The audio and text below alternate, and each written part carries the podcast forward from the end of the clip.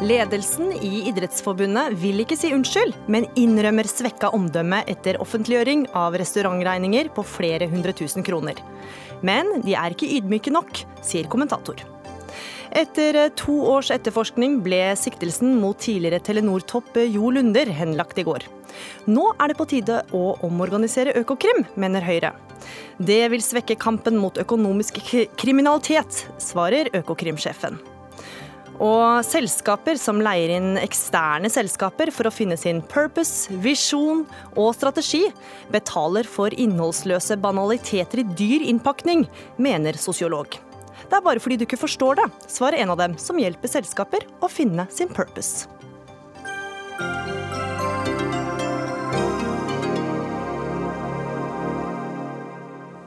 Velkommen eh, til Dagsnytt 18 denne første torsdagen i november. Jeg heter Gry Veiby. 40 flasker vin, 23 grappa og to whisky. Alt på én kveld. Og en sluttregning på 237 000 kroner bare på én restaurant under OL i London i 2012. Ledelsen i norsk idrett vedgår at i flere år har eksistert en ukultur. Idrettspresident Tom Tvedt innrømmet på en pressekonferanse i dag at saken om, om, offentliggjøringen av reiseregninger har gitt organisasjonen et svekket omdømme, men ville ikke si unnskyld til Idretts-Norge. Nei, I utgangspunktet så har jeg vært opptatt sammen med idrettsstyret til å både det styret jeg satt i før, og nå, det er at vi må snu dette. Og det er det jeg er opptatt av nå. Idrettspresidenten er selv i Tsjekkia, men du er jo her. Nils Røyne, du er kommunikasjonssjef i Norges idrettsforbund. Nå får vi altså se reiseregninger fra 2012 til 2015. Hva syns du om det som har kommet fram det siste døgnet? Nei, det viser jo at eh, vi i aller høyeste grad i Idrettsforbundet trengte nye retningslinjer og nye prosedyrer for hvordan vi skulle forholde oss til denne type arrangementer. Eh, og det forsto også idrettsstyret og har gjort noe med det de siste månedene og siste året. Eh, Men Forsto dere ikke det før nå? For dette er reiseregninger fra helt inntil 2015? Ja, og i 2012 vil jeg si. Eh, så det har vært en, en, en, lang vei å gå at man har skjønt at dette kan man ikke holde på med. Og det kan man heller ikke, og det har man tatt konsekvensen av. Men 75 flasker vin på én middag og en nachspielregning på flere tusen kroner. Hvordan kan, kunne det forsvares den gang? Det er jo ikke så lenge siden.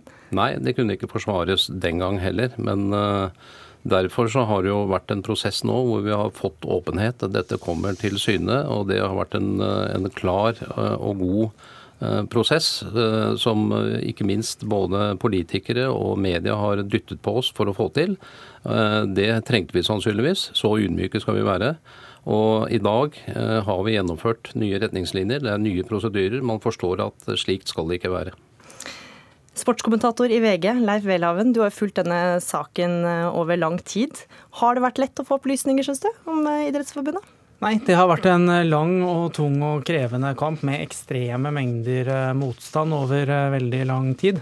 Nå skal Idrettsforbundet ha for at de altså til syvende og sist åpnet opp, men det gjorde de altså etter en uhorvelig mengde press, som altså i ettertid fremstår altså helt unødvendig. Det er helt uforståelig at ikke de sånn sett kunne legge fram eh, dette tidligere. Selv når du ser ja, altså, Det kan jo være at man ønsket å holde det skjult, det vet ikke, altså, det vet ikke jeg noe om. Men altså, dette har vært en seigpining av en frivillig organisasjon som først og fremst har rammet, også har rammet bredden. altså Det som norsk idrett faktisk skal være, som er en bevegelse som fremmer folkehelse og fellesskap. Og vi, vi opplever altså et selvpåført omdømmetap. Han er altså historiske proporsjoner og en kommunikasjonslinje som inntil uh, nylig har vært fullstendig fraværende. Så skal det sies at eh, Regimet som er der i dag, opererer på en helt, uh, helt annen måte. Men altså, det er nesten uforståelig at en så stor organisasjon kan opptre så amatørmessig som den har gjort over lang tid. Nils Røyne, hva sier du til det? Nesten helt uforståelig? Ja, altså nå har jo jeg jobbet der i et år. Og, og, har jo forståelse for, som jeg sier, at eh, dette med prosessen for å få full åpenhet, altså det handler om at man går inn i regnskapene på bilagsnivå. Eh, regnskapene har vært åpne hele veien. Men det har vært en, en, lang vei å gå også for idretten og for en frivillig organisasjon å ta inn over seg at dette er nødvendig i, i 2017. Nå har man tatt konsekvensen av dette. Man har gjennomført nye retningslinjer. Man har nye prosedyrer. Idrettsstyret begynte å ta tak ikke lenge etter at de ble valgt i 2015. Så eh, jeg syns at eh, vi, vi, eh, vi, har gjort endringer som syns. Og det som ble gjort i 2012, det blir ikke gjort lenger. Men er dette her nok? Altså, dere svarer jo da til grasrota, alle de som steker vafler, selger lodd og ikke minst dopapir. da. Hvordan skal dere gjenopprette tilliten til dem? Ja, Den må vi bygge opp. Det er ikke noe du får. Og grasrota er norsk idrett. Og alle gullmedaljer vi vinner har sin bunn i grasrota. Så vi er helt avhengig av å bygge opp den tilliten. Og det må skje over tid. Det er ikke gjort på 1, 2, 3. Med Welhaven, mange av disse regningene er jo da brukt til representasjon. Er det ikke, altså hvor skal, man, eh, hvor skal man sette grensa for hva som er greit? Man må jo bruke penger og feire gull, f.eks., som Idrettsforeningen har gjort. og ja, det er klart. altså Også idrettsledere skal eh, drikke og spise, for all del. Men det er noe med volumet alkohol her over lang tid. Og prisene på flaskene vin, som det finnes altså en rekke eksempler på som er altså helt aldeles grelle. Og det er heller ikke sånn at uh, disse barregningene kun handler om alkohol til middag. Det finnes flere eksempler på kort som er trukket langt ute i de sene nattetimer hvor det ikke ble, ble inntatt uh, noe fast føde, f.eks. Og det er altså noe med kontrast kontrasten mellom hva idrett skal være og hvordan idrettsledere har oppført seg. som også da, Vi må huske på at dette er bare en del av et svært innsyn. I sommer fikk vi høre om hvordan man f.eks. har brukt 900 000 på å kjøpe seg redaksjonell omtale under ungdoms-OL, og det er en rekke forhold vi ennå ikke har fått innsyn i. Og I sum så vitner det seg altså at det har vært en lederkultur som så til de grader har vært i utakt med de verdiene som eh, en folkebevegelse som idrettsbevegelsen skal representere. Og Men nå hører du at de gjør mye, da, eller skal gjøre mye, og så kommer det også nye retningslinjer retningslinjer som skal sørge for at utgifter til alkohol ikke blir dekka. Hjelper det? Ja, det, det, Idrettsforbundet skal ha ros for jobben de uh, har gjort da de omsider valgte å uh, åpne opp. og Vi opplever en annen mye mer positiv og konstruktiv linje derf, uh, derfra.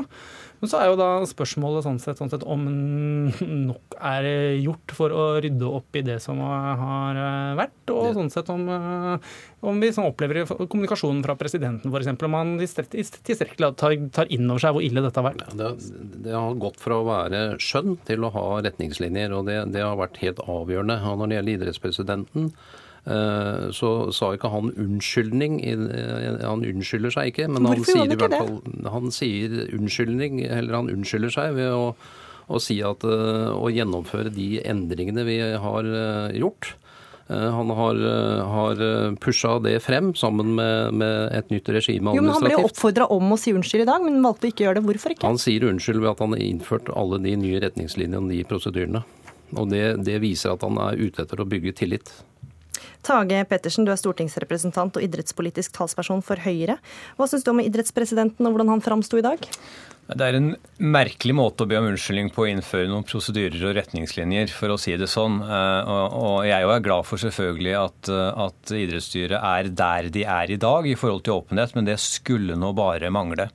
Hadde det ikke vært for den jobben kulturministeren og mediene har gjort de siste par årene, så hadde ikke åpenheten og innsynet vært der det er i dag. Det kan vi være rimelig sikre på, for vi har sett hele veien at eh, man har ønsket å gi ut minst mulig hver gang man har åpnet opp. Og så har de egentlig drevet en forferdelig selvpining istedenfor å gi innsyn i alt med en gang. Så har dette blitt en debatt som de har selv valgt å dra utover et godt år. Eh, og det er ikke godt for norsk idrett. Røyne, nå sier du selv at du bare har vært der et år, men hvorfor har man ikke bare vist alt sammen med en gang?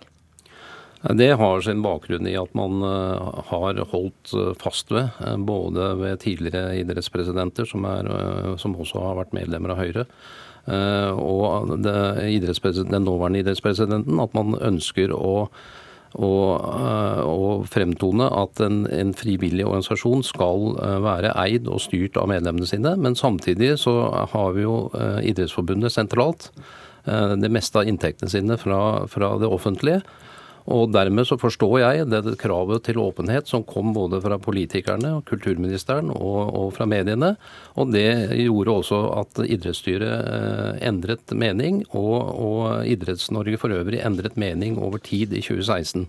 Eh, og så fikk man dette vedtaket hvor man åpner for alt på bilagsnivå i mai 2017. Hmm.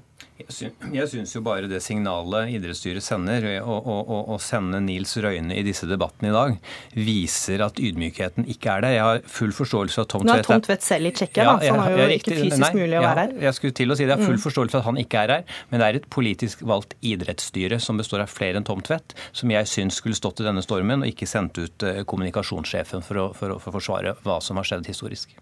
Ja, Det er, vel kanskje, er du kanskje enig i?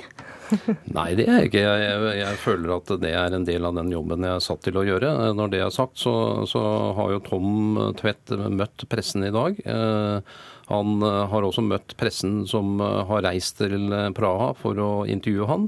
Og, og, sånn sett så, så, er det ingen som gjemmer seg bort. Det er jo helt naturlig at det er idrettspresidenten som skal svare for dette, sammen med undertegnede, og det har vi gjort. Welhaven, hvordan ser omdømmet til eh, Idrettsforbundet ut nå? Nei, altså Omdømmet til Idrettsforbundet er så til de grader eh, skadeskutt. Og jeg tror det kommer til å ta lang lang tid å gjenopprette det. Og skal man lykkes med det, så er man avhengig av sånn å kunne komme på offensiven med konkrete utspill, fortelle historier om idrett som går, slår an der hjemme. Altså, nå har vi sett en idrettsledelse som har vært kronisk på defensiven i sak etter sak, i måned etter måned. Og jeg må jo si at jeg blir etter hvert litt sånn undrende til hvor lang tid Tom Tvedt skal, kommer til å få i egen eh, bevegelse, før noen blir nødt til sånn sett, å stille spørsmål eh, ved hans posisjon. Dersom han ikke sånn sett, snart evner å fremstå med litt mer egen lederegenskaper enn det vi har sett så langt. Tage Pettersen, eh, du er selv visepresident i Norges ishockeyforbund. Hva slags konsekvenser får denne saken her for eh, dere? Nei, jeg, altså At jeg har et verv i idretten selv, syns jeg bare styrker min legitimitet når jeg faktisk sier at norsk idrett må nødt til å rydde opp og, og, og vise alle kortene, som de nå forhåpentligvis har, har gjort. Og så må idrettsbevegelsen samla være med på å legge løpet for at man kan gjenvinne den tilliten som man nå trenger i forhold til alle de som eh, er der ute i det frivillige arbeidet, og som spiller på lag der ute i, i, i lokalsamfunnet lokalsamfunn rundt om i det ganske land. Og Det at idrettspresidenten en, eh, er tidligere profilert Arbeiderpartipolitiker, har ikke noe med din kritikk å gjøre? Det har ikke noe med min kritikk å gjøre. og Kulturministeren har vært veldig opptatt av at bilag også langt tilbake i tid, hvor det har vært uh, idrettspresidenter med andre partibøker, skulle legges, blant annet, blant annet skulle legges på bordet. Så, så her syns jeg det er godt ivaretatt. Welhaven, det er fortsatt reiseregninger igjen, eh, blant, andre, blant annet av flybilletter. Hva kan vi vente oss? Nei, altså jeg har jo ikke sett eh, de regningene ennå. Men hvis det er i, sånn sett, eh, i, takt med det vi har eh, sett så langt, så er det vel lite som tyder på at det er valgt billigste løsning ved hver eneste flyreise. Men Nils Røyne, dette her har dere selvfølgelig nå full åpenhet om? Det har vi full åpenhet om, og det kommer alle til å få lov til å se på så fort som overhodet mulig. Tror du på det?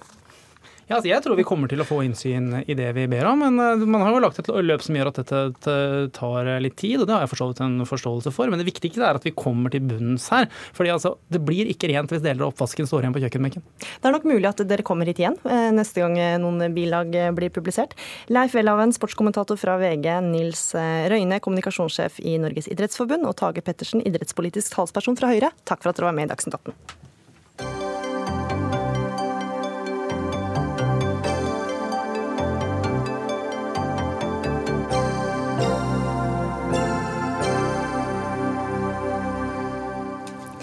Hvis du ser noen gå med en liten blå sløyfe festet til jakka denne måneden, er det fordi de støtter Kreftforeningens arbeid mot prostatakreft.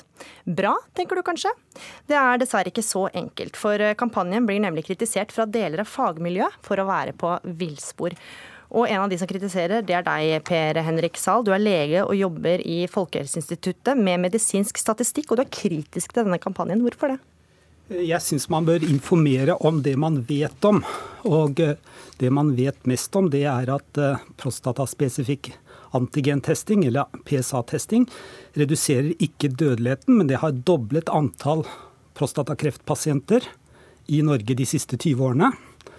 Eh, det er én grunn. Og den andre grunnen er at Ja, for da blir det overdiagnostisering, da, eller? Ja. ja. Altså du får mer pasienter, men folk lever ikke lenger. Mm. Det bør man være helt klar på. Og så er det en del andre ting som eh, mer spesifikt, og det er denne testingen. Det er en blodtest. Vi, vi, skal ta det etter hvert, men Er det ikke bare bra for fokus da, på prostatakreft? For det er jo det denne kampanjen skal, skal få, få? Det er ikke det jeg er imot. Jeg kommenterer innholdet i eh, informasjon som gis til eh, publikum. Mm. Og den er lite saklig og til dels fordreid. Mm. Og innholdet er det du som må stå for, Ole Alexander Oppdalshei. Du er eh, assisterende generalsekretær i Kreftforeningen, som jo er ansvarlig for eh, denne kampanjen. Eh, er du enig i at det er fordreid informasjon? Det er det selvfølgelig ikke. Eh, nei, det er jeg ikke. Og jeg har jo også lyst til å si det at her snakker vi, vi snakker vår største kreftform, og det finnes ulike ting som vi ønsker å løfte frem gjennom Blå sløyfe-aksjonen. Vi kan snakke mer om diagnostisering, men vi skal heller ikke glemme at vi trekker frem elementer knyttet til at prostatakreft er en eh, kreftform hvor du har flere ulike behandlingsalternativer.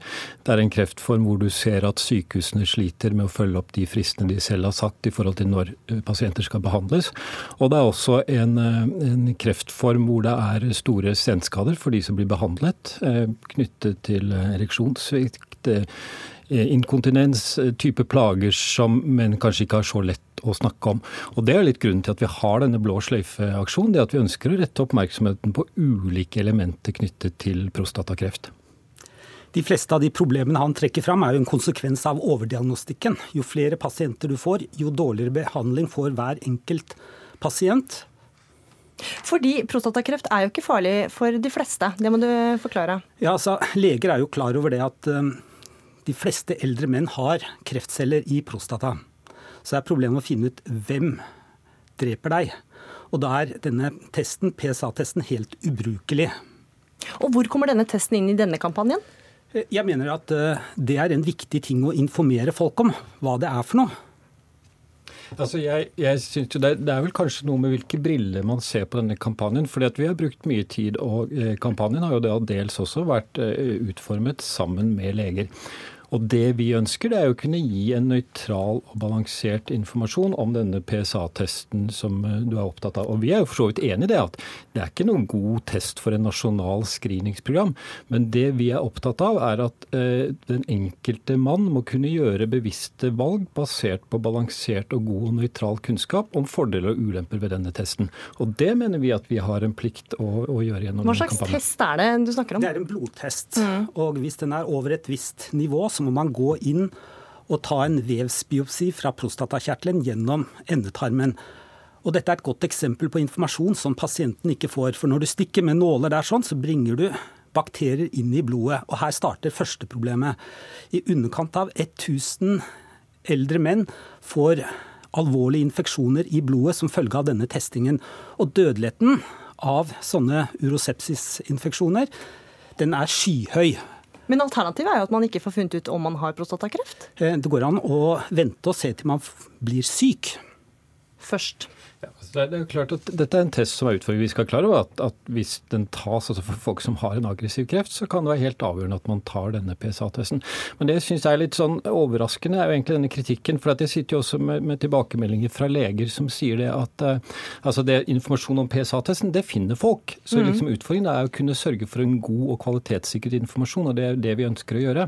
Og vi har jo møtt leger som sier at de møtte pasienter uh, som ønsket å ta en PSA-test, og så satte de seg ned med informasjonsmateriellet som kom fra Kreftforeningen, hvor de, vi beskriver fordeler og ulemper ved PSA-testen. Og så sier, de at, sier legene at nei, da ønsket ikke pasienten å ta den PSA-testen lenger.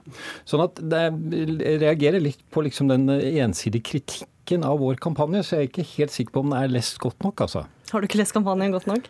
Det er godt mulig, men jeg har to poenger. og Det ene er at jeg syns generelt så kommer ikke informasjonen om at du ikke lever lenger ut. Folk får ikke det med seg. Mm. Den testen har ingen vitenskapelig dokumentasjon. Det har ingen nytte. Du lever ikke lenger.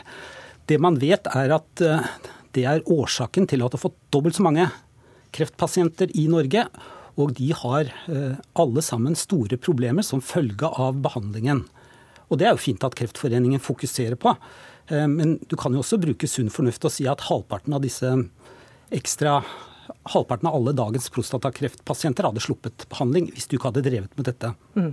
Divisjonsdirektør i Helsedirektoratet Johan Torgersen, dere støtter denne kampanjen. Kan den føre til eh, kreftangst og overdiagnostisering? Så vi er for god folkeopplysning, og vi syns det er viktig at eh, befolkningen kjenner til eh, både helserisikoer og hva de eventuelt kan gjøre hvis det oppstår symptomer eller de er bekymra. Så er det helt klart at når man går ut med helseinformasjon på denne måten, så er det en balansegang. Eh, det er en risiko for å eh, skape helseangst. Det er en risiko for at en del som eh, går til legen eller oppsøker helsevesenet som kanskje ikke hadde trengt det. Men samtidig må vi også erkjenne at noen faktisk bør ta kontakt med helsetjenesten og få, få, få hjelp. da. Og så snakker vi her om eh, det er prostatakreft, og det er menn. Og vi vet at menn de går sjeldnere til legen enn til kvinner. De, har, eh, de lever kortere enn kvinner. Og I tillegg så er dette et, eh, en sykdom som jo da rammer underlivet. Kanskje enda vanskeligere å gå til legen og, og snakke om. Så at man på en eller annen måte bør gi ut informasjon som gir pasienter eller gir befolkningen mulighet til å ta valg og gå aktivt selv inn i, eh, i denne dialogen. Og, eh, og, spørre legen sin om det kan være nyttig med det ene eller andre, det, det, kan være riktig. Det gjør jo at folk eh, blir informert og kan ta et aktivt valg, da. Ja, men Dette eksempelet mitt da med urosepsis det, Hva er det for noe? Det er blodforgiftning som følge av testingen, som er et stort problem. Mm. Hvis du går på en urologisk avdeling med 30 sengeplasser, så vil jeg anslå at en av dem har en alvorlig blodforgiftning som følge av denne testingen. Så bare testingen kan være farlig? Ja. Mm. Det er det ingen som prater om. Mm. Men går du på en sykehusavdeling, så vil kanskje en av de 30 som ligger der, ha en urosepsis, og han er egentlig frisk. Mm. Men som følge av denne testingen så er han blitt lagt inn og er den sykeste pasient på avdelingen. Er det ikke da bedre å vente til man faktisk blir syk? Når testingen kan være farlig? Jo, absolutt. Eh, eh, så, så, vil det jo være aller best å oppsøke legen når man har behov, når man har symptomer og man har spørsmål. Men det, det er nå engang slik at uh, denne testen er kjent, og mange lurer på om det kan hjelpe dem, om det kan være relevant for det. Det viktigste vi sier i våre retningslinjer, og også i informasjonsmateriellet som er gitt ut sammen med Kreftforeningen, er jo nettopp det at hvis det er symptomfrie menn som kommer og spør om denne testen, ønsker denne testen, så skal legen ta en grundig samtale med deg. De skal gi informasjon om hva testen er, hva den ikke er, hvilke spørsmål som åpner seg etter man har tatt en sånn test. Og, og helt klart også de risikoene som følger litt lenger ut i eh, mm. behandlingsforløpet også. Men det viktige er mm. vi må sørge for at pasientene våre har et godt kunnskapsgrunnlag til å kunne ta aktive valg i sin egen behandlingssituasjon. Jeg vil anslå at et sted mellom 90 og 100% av alle de som tar testen i dag, tilhører den gruppen som Helsedirektoratet anbefaler å ikke ta testen. Og, og, ja, mm. Hvor mange er det som får prostatakreft i Norge i dag? Ja, Nå er det rundt 5000, og det er rundt 1000 som dør. Og det tas 15 000 sånne prostatabiopsier i året, og det er altfor mye. Så det er jo ganske mange som eh, tar disse testene uten at de egentlig har grunn til det? da? Eh, og Det understreker jo kanskje også det poenget som vi ønsker å komme frem til, at her er det behov å informere mm. eh, om, om PSA-testene, og at det bør være som det er sagt, at det bør være en balansert informasjon, sånn at den enkelte person da kan gjøre sine egne valg. Så er det jo da viktig, da, bare jeg har lyst til å understreke det, at denne blå sløyfe-aksjonen det dreier seg om, om mer enn bare dette med PSA-testen. for at vi ser at prostatakreftpasienter de sliter med en del utfordringer i helsevesenet, og herunder også med senskader. Og det er viktig at vi tar det på alvor, for det er vår største kreftform. Mm. Og så er det også viktig for meg å ikke underslå eh, problematikken rundt overbehandling. Mm. Det er klart at med, med den testen, og også andre tester, så tester vi folk som i utgangspunktet ikke aldri ville fått symptomer for den sykdommen man eventuelt uh, finner og som også da risikerer å bli behandla og kan få en komplikasjon som de må leve med resten av livet. Så det aspektet det kjenner eh, fastlegene godt til, og det er nettopp derfor denne gode dialogen med pasienten bør være grunnstein for de valgene. Jeg ser du nikker salen, men du er kanskje ikke beroliga for det? Eh, ja, jeg er veldig fornøyd at jeg får lov å komme ut med disse tallene om at det er 15 000 mm. som tar, og de aller fleste som tar denne biopsiene som følge av PSA-testing, altså, de gjør det, det er helt unødvendig. Mm. Um, og um, det er hyggelig å høre at man begynner å ta problemet med overdiagnostikk alvorlig i Norge. Fordi dette går jo utover de aller sykeste. Mm. Når du tar penger fra de aller sykeste og bruker på de friskeste, så er ikke det bra. Da fikk du siste ordet, Per eh, Henrik Sall, lege og medisinsk eh, jobber i Folkehelseinstituttet med medisinsk statistikk. Ole Alexander Oppdalshei, assisterende generalsekretær i Kreftforeningen, og Johan Torgersen, divisjonsdirektør i Helsedirektoratet.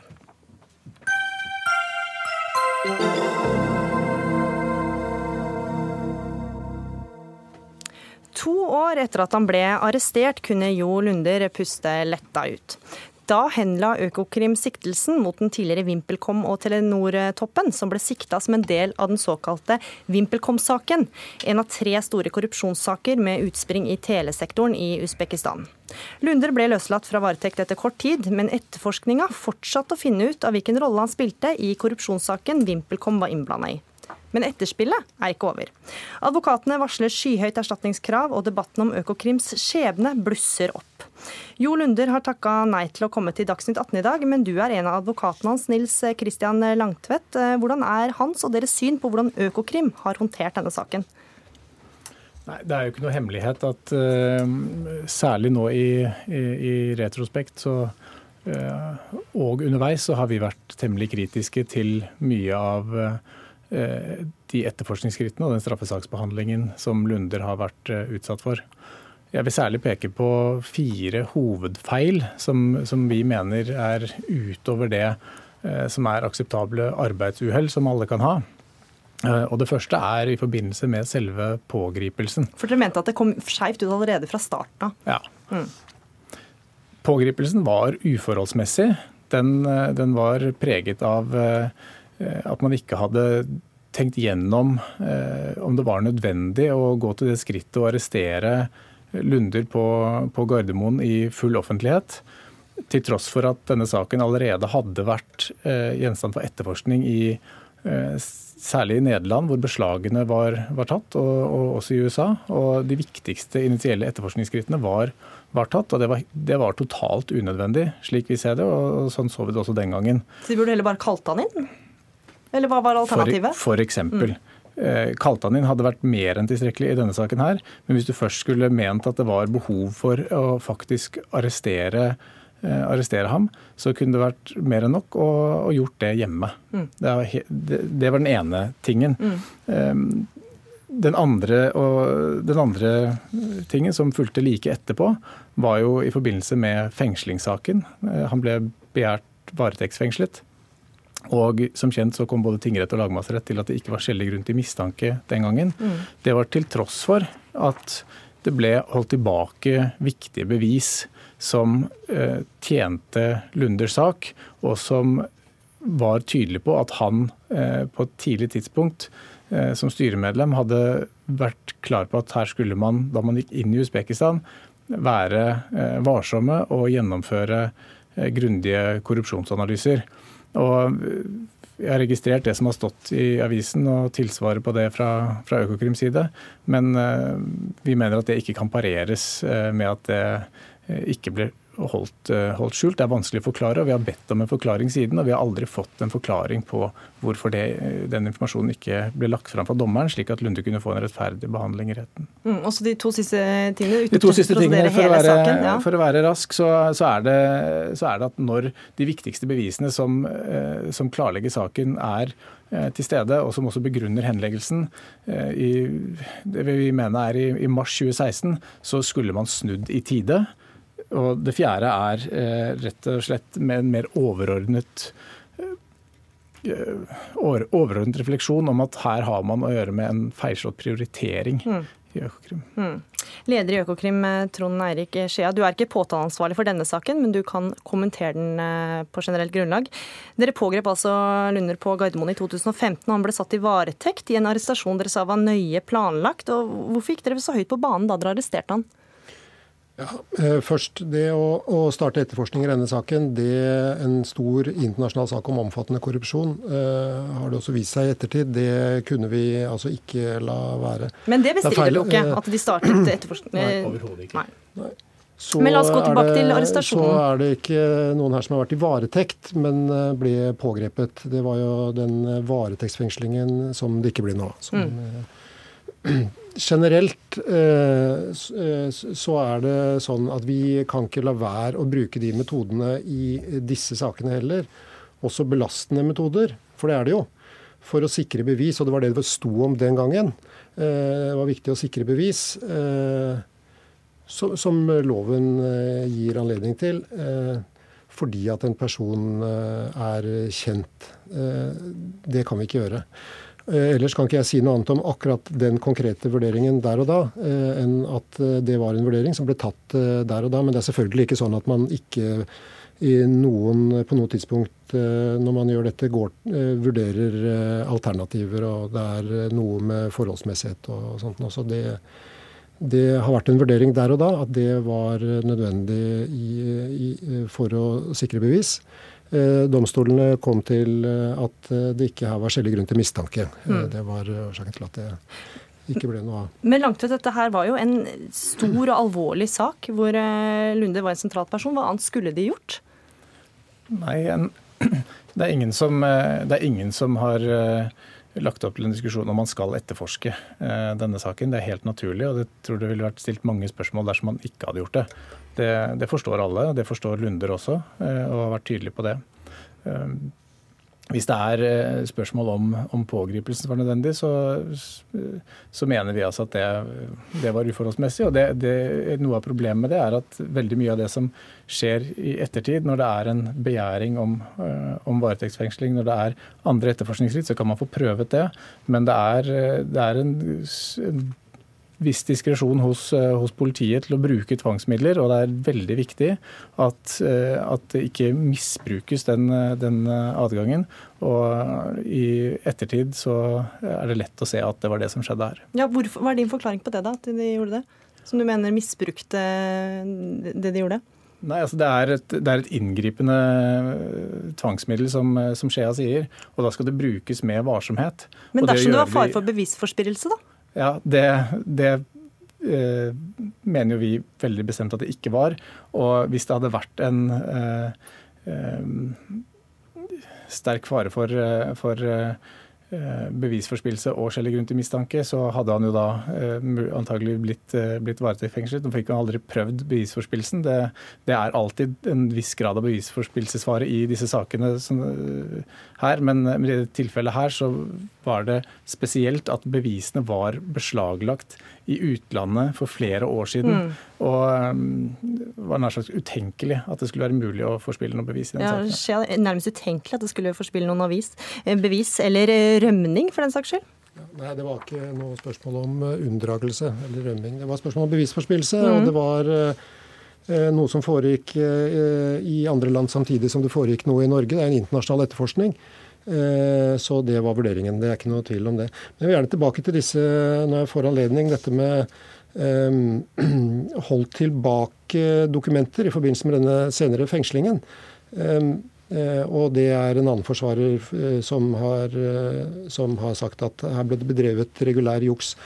Det er riktig at det var noen dokumenter som skulle vært lagt fram overfor domstolene, som advokaten her sier.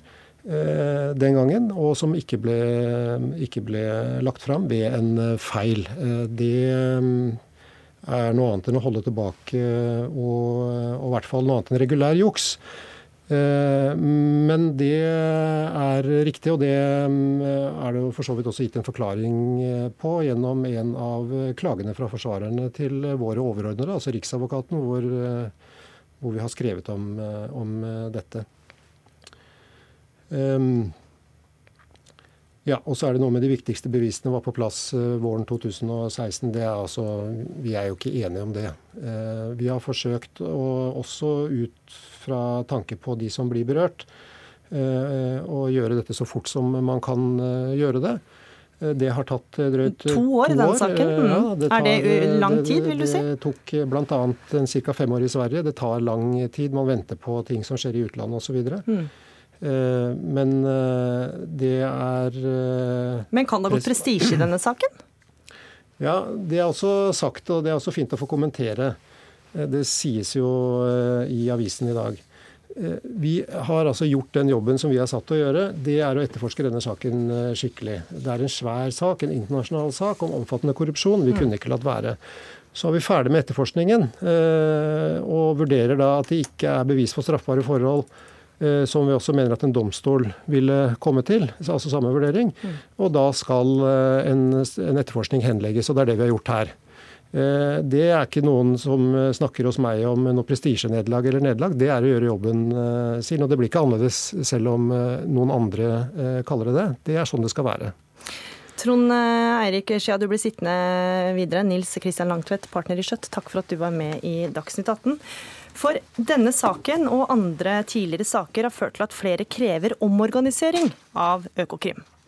I dag er det sånn at Økokrim skiller seg fra politiet ved at de både har påtaleansvar og etterforskningsansvar fra de samme sakene, og Økokrim, for de samme sakene, og Økokrim har fått kritikk fra utvist manglende objektivitet. Og Skjea, fortsatt sjef for Økokrim, du vil ikke diskutere med politikerne siden det nå er utredning ute på høring, eh, og flere av de foreslår å slå sammen Økokrim og Kripos til en enhet. Først til det med påtale og etterforskning. Å ha dette i samme enhet må da kunne være et problem? Ja, altså eh, Våre erfaringer, ikke bare våre, men også andre nordiske land, andre europeiske land, Danmark, Sverige f.eks., er at dette er vanskelige saker. Vanskelig å få fram for domstolene på en ordentlig måte. Da snakker vi om eh, store saker om, eh, om eh, alvorlig økonomisk Store saker over flere år. Ja da. Og, og, derfor så har vi, som andre land, igjen Danmark, Sverige, for disse sakene så har vi altså det vi kaller høyere påtalemyndighet inne også under etterforskningen, etterforskningen av sakene. Eh, det går altså igjen i flere land, og det er med tanke på å få en målretting, altså en styring av disse sakene, fra de som forutsetningsvis vet best hva som kreves for et saksfremlegg i retten. Det er mye faktum, mye transaksjoner og slikt. Eh, det er komplisert jus. Eh, det er meget sterke advokater. Men det er altså, bakgrunnen for at vi har denne ordningen. store etterforskninger over flere år. Kan man ikke se seg blind? Ja, poenget er at det er bakgrunnen for å ha forklart det i, i all sin enkelhet. Da. Uansett hva slags påtaleordning man har, og det hender at man får både frifinnelser og justisfeil uansett organisering, det tror jeg vi kan konstatere i Norge i 2017. Eh, jeg mener at eh, det man må gjøre, er eh, uansett ordning å jobbe med å hele tiden bedre og utvikle kvaliteten og rettssikkerheten i bl.a. disse påtalemessige avgjørelsene. Det er ikke bare påtalemessige avgjørelser, det er noe med framdrift og det er påtalemessige avgjørelser. Men forslaget som nå er på høring, vil slå dere sammen med Kripos? Ja, men bare for å avslutte, det gjør vi. Og, og vi har altså over, over 80 påtalemessig treffsikkerhet. Eh, det betyr at over åtte poster eh, fører til domfellelse i domstolene. Eh, så vi hører litt om de som ikke gjør det, men, men, men det er altså en ordning som ut fra disse tallene virker. Det er for øvrig høyere enn i, i flere andre land som har det samme systemet. Eh, så vi må jobbe med den kvalitetssikringen. Det gjør vi. Det, det, har vi gjort mye, ikke minst de siste fem årene. Det er mulig å gjøre mye for å få det bedre, uansett hvilket spor eller hvilken ordning man har. Og det å slå seg sammen med Kripos, da? Kan ikke det være fornuftig ressursmessig? Kripos er kjempedyktige. Og det er eh, åpenbart effekter på å hente på å samarbeide mer, bl.a. med de. Vi har en sak gående i Oslo tingrett akkurat nå hvor det sitter eh, folk fra Økokrim og Kripos sammen i arbeids Eh, livskriminalitetssak. Aktører type saker ja. og utfordringer i de sakene er ganske forskjellig uh, mellom, mellom, disse organene. Ja. Uh, og det handler ganske enkelt om å, å, skjerme ressurser og kompetanse på dette litt spesielle og tunge, og da, tunge feltet. Ja. Takk til deg, Trond Erik Skjea, sjef for Økokrim. Og inn i studio så har to politikere kommet. Peter Frølich, du er stortingsrepresentant for Høyre i justiskomiteen. For du mener at det er på tide å skille disse tette båndene. Hvorfor det?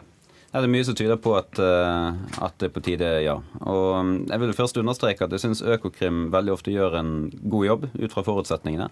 De er alltid underdogs eh, i disse etterforskningene, for det er enormt kompliserte saker som går over landegrenser osv. Men dessverre er det blitt sånn over tid nå at resultatene ikke er gode nok. Da må vi som eh, ansvarlige politikere rett og slett eh, se på hva vi kan gjøre for å gjøre Kripos mer potent. Mm. Og Hvilke erfaringer er det du mener du har sett hos Kripos som viser at de eh, bør. Ikke fortsett sånn som de er i dag. Altså det er mye som tyder på at uh, det kan være for tette bånd mellom f.eks. etterforskningsledelse og uh, påtalemyndighet, eller de som sitter med avgjørelsen hvorvidt det skal tas ut uh, tiltale eller ikke. Mm. Um, det er blitt påpekt av en rekke instanser, og senest er det et veldig eksperttungt utvalg som har pekt på noen av de samme utfordringene. Så det vi sier, er rett og slett at vi holder alle dører åpne for å, å, å gjøre en endring i Økokrim altså litt for tidlig å si liksom hva konklusjonen akkurat blir, men jeg tror det er på høy tid at man gjør noe fordi at resultatene ikke har vært gode nok, mm. dessverre. Mm. Emilie Enger Mehl, du er medlem i justiskomiteen i Senterpartiet. Du er skeptisk til å slå sammen Økokrim og Kripos. Hvorfor det? Ja, nå har vi en rapport som kommet, eh, kom i mai, og den er ute på høring nå, så vi har ikke konkludert på noe i Senterpartiet. Men eh, Eh, jeg har noen bekymringer knytta til å slå sammen eh, Økokrim med Kripos. Økokrim håndterer eh, en del store, tunge saker knytta til økonomisk kriminalitet som de har spisskompetanse på. Og jeg tror at de trenger å satse mer på det området fremfor å legge det inn sammen med Kripos. Det er redd for at det forsvinner, den høye prioriteten som det området har. Og så har jo eh, noen av argumentene altså knytta til eh, at man skal slå sammen eh, Økokrim med Kripos, vært en utredning av av disse særorganene da, som bistår politidistriktene med etterforskning bl.a. Um, og jeg syns det er litt tidlig da å konkludere med eh, hvordan strukturen på særorganet skal se ut. Eh, fordi eh, nærpolitireformen den er ganske fersk. Mm. På det tidspunktet hvor rapporten kom, så, så, var den enda ferskere. Og nå som denne rapporten er ute på høring, så mener jeg at vi må vente på flere innspill før vi konkluderer med noe som helst. Så ja. Altså, Vi har jo ikke konkludert 100% men vi gjør ikke som Senterpartiet å på en måte lukke døren for et alternativ, nemlig å slå sammen Økokrim og Kripos. Hva kan det løse? Det er ikke sikkert det løser alt, for her er det mange ting som, som kanskje må gjøres. Men, men det er typisk altså vi må helt tilbake igjen til opprettelsen av Økokrim. Det er ca. 30 år siden. Da var det en 14-15 ansatte, eller noe sånt, og dette var helt i sin spede begynnelse.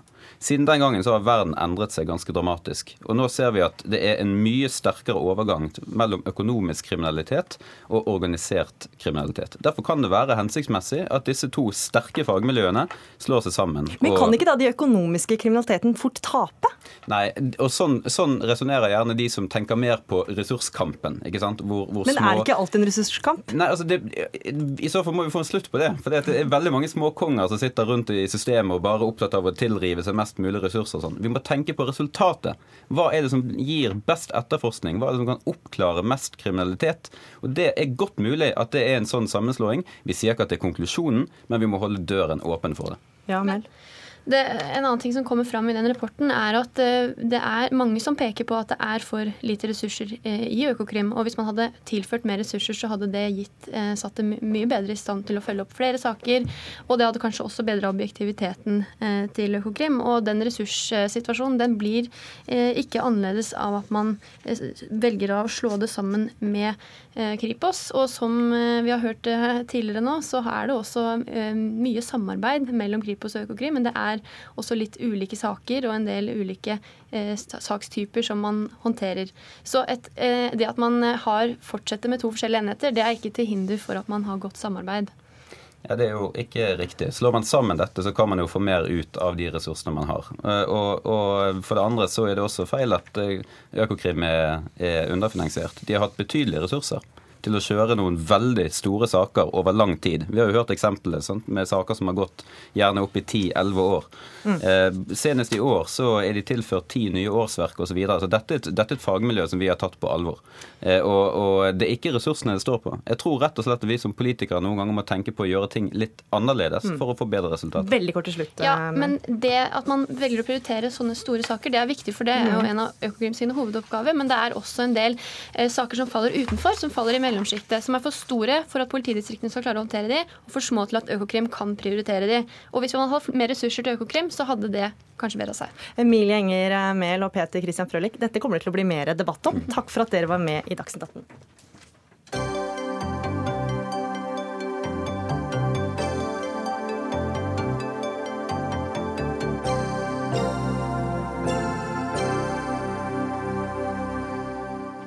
Tidsskriftet Revolusjon har trommet sammen til 100-årsjubileum for oktoberrevolusjonen i Russland. Og det vekker reaksjoner.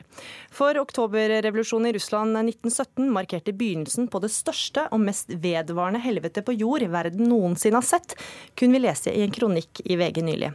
Den kronikken skal vi snart komme tilbake til, men først må jeg spørre deg, Jan Steinholt, du er redaktør i Revolusjon. Hvorfor skal dere markere oktoberrevolusjonen? Det er det ikke bare vi som markerer det. Det blir markert verden rundt av partier, organisasjoner, fagforeninger. Kan du komme deg eh, sitte litt nærmere mikrofonen? Og det å si dette, dette, var jo innledningen på en helt ny samfunnsepoke. Den viste at arbeiderklassen var i stand ikke bare til å ta samfunnsmakta, men også til å bevare den, til å uh, opprette et helt nytt samfunnssystem og for så vidt i historisk perspektiv på samme måte som den franske revolusjonen innledet også en ny epoke. Og det er ingen som kritiserer den franske revolusjonen for å ha vært grusom. Men oktoberrevolusjonen? Men fra et, fra et, norsk synspunkt er dette også svært viktig, fordi Norge som naboland spilte jo en direkte rolle. Norge var jo mellomstasjon. det ble, Varde var en kommunikasjonssentral for å formidle eh, propaganda både fra Russland og ut, og andre veien. Arbeidernes rettigheter hører vi her leder av Oslo Arbeidersamfunn og Arbeiderpartipolitiker Fredrik Mellem. Det er du som skrev kronikken eh, jeg nettopp siterte fra, og du sammenligner denne markeringen med at en gruppe nazister skulle invitert til feiring for den nazistiske maktovertakelsen i Tyskland i 1933. Hva mener du med det? Det jeg mener med det, er at eh, begge disse maktovertagelsene førte like mye elendighet med seg. Nå varte jo det nazistiske regimet bare en kort periode, men hvis vi ser på de katastrofale følgene av eh, statskuppet som Lenin begikk i Russland i 1917, og de konsekvensene det fikk både for Russland og Sovjetunionens innbyggere, men også for innbyggere og stater verden rundt på resten av 1900-tallet, så er det ganske makabert å markere dette her med feststemning. Professor Bernt Hagtvedt skrev i Aftenposten for et par måneder siden at han utfordret den russiske ambassade til å invitere til en sørgehøytidelighet. Mm. Eh, det syns jeg vil være den eneste verdige måten å markere eh, at det er gått 100 for du mener, for mener Steinholt og hans eh, likemenn som skal feire dette, bør skamme seg? Ja, og det hadde jo ikke vært noe problem hvis det bare var Steinholt som hang ut hammer og sigd fra balkongen sin. Men det, det, er jo nettopp for det han, som han sier, det er mange andre som markerer dette. Det er bare noen dager siden kommunistgruppa Tjen Folket gikk i Oslos gater med maskerte ansikter, skremte vettet av befolkningen på Tøyen. Politiet måtte gripe inn. Ungdomsorganisasjonen til Rødt setter kaka på bordet og eh, inviterer høytidelig til eh, markering. Og kanskje verst av alt, Nasjonalbiblioteket, som har en erklært kommunist som leder for tiden, en tidligere partileder i Rødt, har satt opp en arrangementsserie hvor de skal hylle alt som er søtt og koselig med revolusjonen. Nå skal det sies at de har fått massiv kritikk for Ingen dette og beklaget det. Ingen av de er her. Ja, de har beklaget det og sa at det var en feil. Ja, og det er veldig bra. Men det forteller jo at den allmenne fornuft uh, har gått litt i dvale. Steinholt har fått støtte til dette arrangementet sitt, uh, økonomisk støtte fra Oslo Grafiske Fagforening og Heismontøras Forening.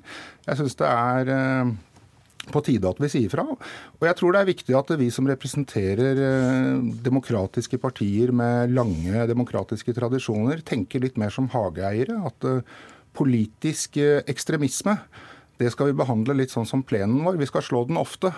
Eh, mens det er lett og enkelt, og vi skal ikke vente til gresset har grodd så høyt at det er en tung jobb å ta tak i det. Steinholt, oktoberrevolusjonen førte jo til eh, borgerkrig og påfølgende diktatur.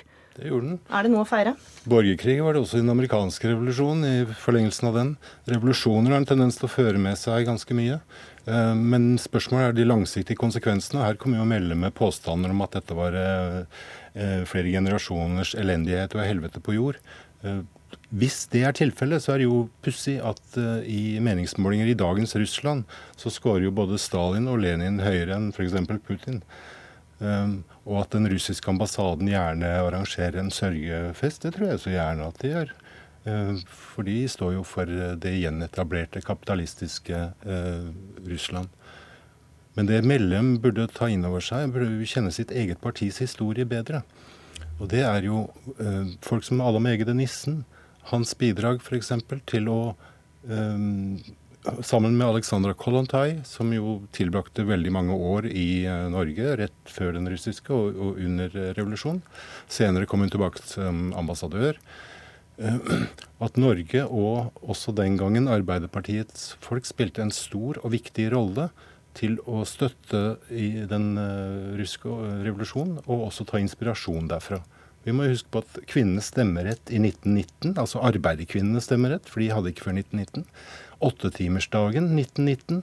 Sånne ting er direkte resultater av den eh, russiske oktoberrevolusjonen. Mm, Fordi borgerskapet, herskerklassen i Norge, skjønte at eh, enten måtte de eh, risikere en revolusjon, eller de måtte gi etter. Og der kom jo Arbeiderpartiet, fikk sin historiske sjanse, så derfor så kan de også egentlig takke oktoberrevolusjonen for at de fikk til klassekompromisset, hvor de kunne si til borgerskapet enten får dere revolusjon, se mot øst og det skumle som skjer der, eller dere velger oss og lar oss innføre noen velferdsreformer. Mellom du burde egentlig takke oktoberrevolusjonen du i Russland? Og dette er jo en del av den revolusjonsmytologien som eh, jeg gjennom flere artikler nå har prøvd å, å slå ned på. Det er jo ganske spesielt at uh, Steinholt hevder at uh, det vi har fått til her i Norge, er noe vi står i takknemlighetsgjeld til den russiske revolusjonen for. Jeg skal gi han én ting, og det er at akkurat i tiden rundt den russiske revolusjonen, med datidens eh, medievirkelighet, så er det ikke rart at arbeiderbevegelsen i veldig mange land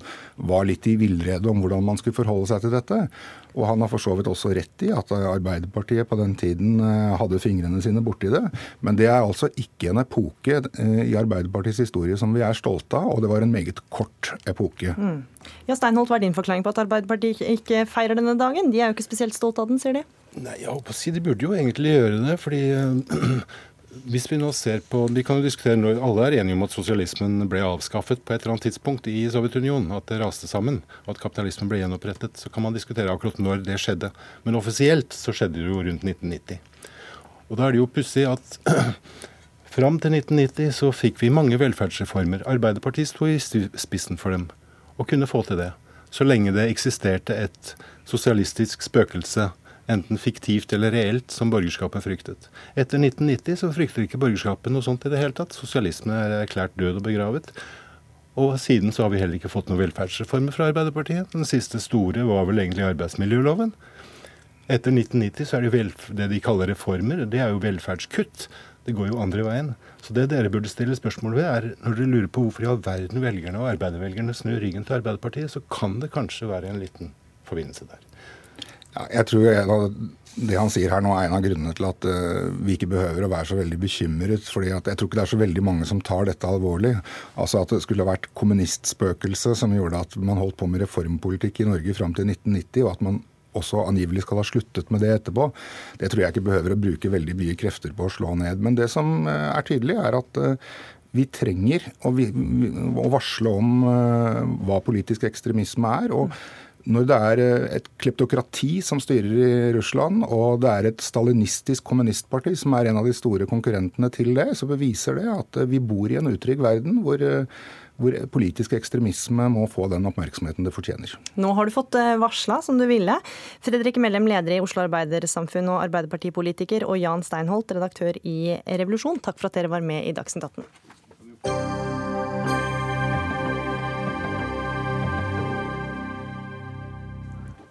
Vi ser det stadig. Selskaper som får ny logo, design og nytt slagord, gjerne etter eh, langvarige prosesser, seminarer og møter med eksterne selskaper, som har hjulpet dem å finne selskapets visjon, strategi og purpose.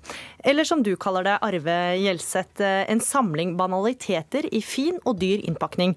Du er sosiolog og førsteamanuensis i idrettssosiologi ved NTNU, og skriver i Dagbladet i dag at alle disse prosessene og ordene som utarbeides, bare virker fremmedgjørende og skaper motstand. Hva mener du med det?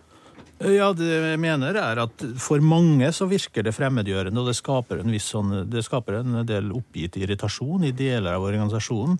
Særlig de som da er ment i sånne organisasjoner å ivareta fagligheten i virksomheten.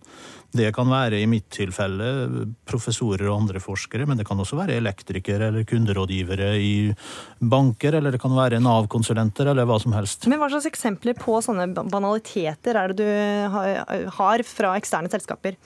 Nei, altså nå var jo Utgangspunktet for den første, første lille saken jeg skrev om dette, var jo at DNB hadde byttet ut uh, slagordene 'profesjonell, initiativrik og hjelpsom' med de nye slagordene 'nysgjerrig, modig og ansvarlig'. Og, og som resultatet av en prosess som har vart et halvt års tid, så syns jeg det er ganske smålåtent. Og jeg håper jo også ikke at det betyr at eh, DNB fra nå av ikke skal være profesjonelle og hjelpsomme. Altså, det er klart at alt dette er ting som man setter eh, høyt på dagsorden i en organisasjon, og hvilke tre som så, så fremheves, det det, det, står for meg som relativt lite viktig, i hvert fall når man tenker på ressursbruken på disse prosessene. Even eh, Fossen, du er partner i Brainwells, som er et selskap som hjelper nettopp eh, selskaper med å finne sin visjon eller strategi eller purpose, som du kaller det, eller en rekke banaliteter. Hva svarer du til det Hjeltseth sier? Ja, Det er jo eh, sånn at uh, å avfeie alt dette som uh, banaliteter, det er jo litt, uh, litt unyansert. I praksis, eller i tilfelle med DNB så har jo de da gått inn og gjort en involverende prosess hvor de har involvert de ansatte til nettopp å finne da sine verdier og sitt purpose. Hvorfor er vi til? Ja, for dere også har vært opptatt av det. At ja. hvert selskap bør finne sin purpose. Hva, hva er et purpose? Et purpose er hvorfor du er til som bedrift, utover det å tjene penger.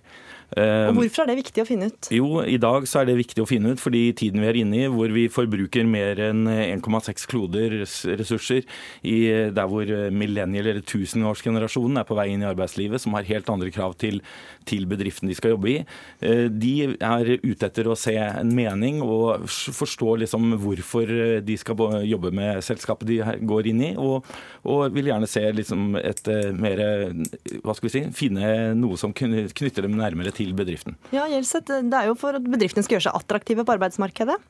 Ja da, det, men det som kjennetegner veldig mange av de eh, utdanningsgruppene som finnes både i næringslivet og i offentlig sektor, det er at de har en profesjonsidentitet. Eh, og det er den profesjonsidentiteten som legger seg utenpå bunnlinjen i virksomheten. Altså En bank skal jo først og fremst tjene penger, men jeg er helt med på at det for mange, både ansatte og ledere, vil være viktig å ha noen andre mål som kan bidra til dette. Men det handler om den profesjonsidentiteten i veldig stor grad, som elektrikere, som eh, kunderådgivere i banker, som Nav-ansatte etc. har. Og det er det, det er det, som ofte får dem til å brenne litt for jobben og, og orke å gå på jobb. For du mener at man ikke trenger et eksternt selskap som eh, Nei, faktisk bruker penger på det? Altså, det er ikke noe, man skal ikke være altfor generell her. altså Det finnes finnes mye ekstern kompetanse som organisasjoner i enkelte tilfeller vil ha nytte av å bruke. Mm. Men for å komme frem til slagordet til DNB, altså vi er, vi er, her for at du skal være i forkant', det kunne man gjort ganske billig med et reklamebyrå i stedet for å involvere hele organisasjonen, tenker jeg. For det, det, er noe med at altså, jeg tror at at det tenkes vel, i veldig stor grad sånn at det å involvere hele organisasjonen i sånne langvarige prosesser er i seg selv identitetsbyggende. Og for noen så er det nok det.